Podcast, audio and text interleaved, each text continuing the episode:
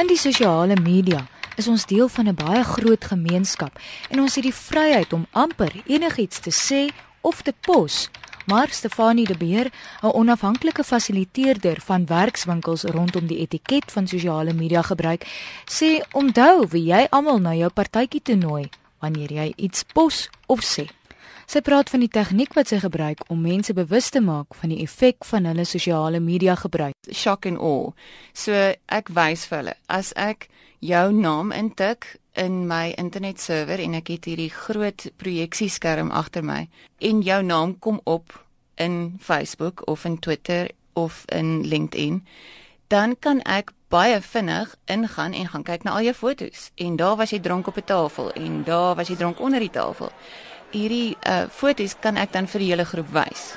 Is 'n petri dish waarin ek kan sê, sien jy, kan jy voel wat is die emosionele impak van al hierdie mense wat daai foto van jou sien. En dan onmiddellik is hulle gewoon 'n baie geskok. En dit dit is in 'n klein manier 'n baie effektiewe manier om vir hulle te wys dis hoe maklik dit is. Enige iemand kan sien wat jy Saterdag aand gedoen het as jy nie verantwoordelik optree nie. So dit is nou waar daai vryheid teen jou gedraai het. Presies, en waar jy nie noodwendig die keuse gemaak het om daai foto op te laai nie. Baie mense sê ja, maar so en so en so het my daar ingetag of whatever. As jy nie die settings gaan stel wat sê hierdie goed is privaat en hierdie sekere mense kan my nie in 'n foto bylas nie. Dan sê jy dit is reg. Deur niks te doen nie, doen jy alles. Hy het gesê ek gee nie om wie my goed sien nie. Ek gee nie om wie my aan wat ook al vassit nie.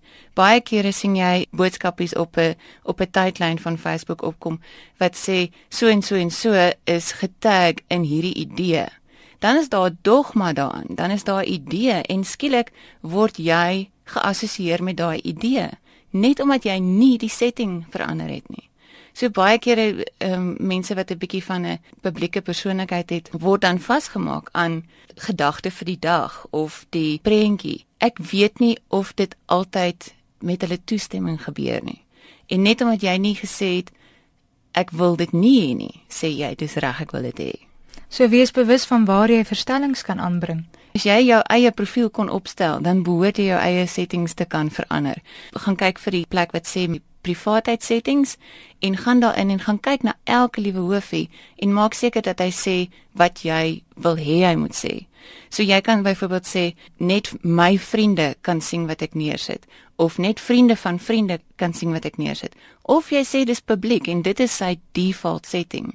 So as jy sê publiek dan sê jy jy kan maar my profiel gaan oopgooi in 'n sessie in 'n werkswinkel sessie en al die mense wat daar sit en my baas en die mense waarna toe ek rapporteer en die mense vir wie ek in lewende lywe respek het, kan sien ek was dronk op die tafel. Hoe vergelyk Facebook en LinkedIn en Twitter met mekaar? LinkedIn is 'n baie meer professionele um, omgewing. So alhoewel daar ook mense is wat daarop rondtoer vir moeilikheid, is dit 'n bietjie meer van 'n professionele omgewing om om vir jou profiel op te stel en maar ek dink ook dat jy moet daar ook versigtig wees. Twitter is bietjie meer van 'n gesprek, 'n los gesprek. So dit voel vir my amper asof mens minder versigtig daar kan wees. Facebook vir my is 'n tamaletjie want jy kan teruggaan so ver van die mense se belewennisse en jy kan ingaan tot 2008 en daar's goed wat ek nie noodwendig wil herleef van 2008 nie. Maar sosiale media kan ook tot voordeel wees vir jou as jy dit reg aanwend. Natuurlik. Sosiale media en veral goed soos Facebook is so 'n waardevolle media tool om te hê. Veral as jy vir jouself werk, dit is 'n plek waar jy in 'n kreatiewe omgewing kan jy baie maklik jou werk uitkry. Jy kan baie maklik met die met die nuwe dele van Facebook kan jy baie maklik goed verkoop.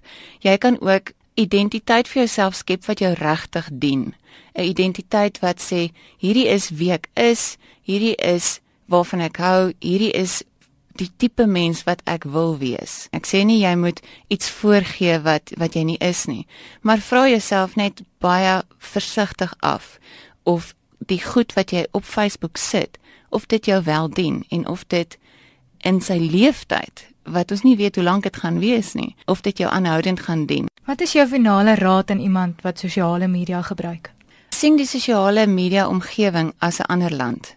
As ek Timbuktu toe gaan of ek gaan Indië toe of ek gaan Engeland toe, dan moet ek ek vat verantwoordelikheid om seker te maak wat is die wette van daai land.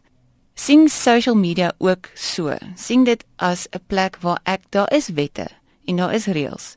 En net omdat jy nie weet nie, beteken nie dat dit nie van toepassing is op jou nie.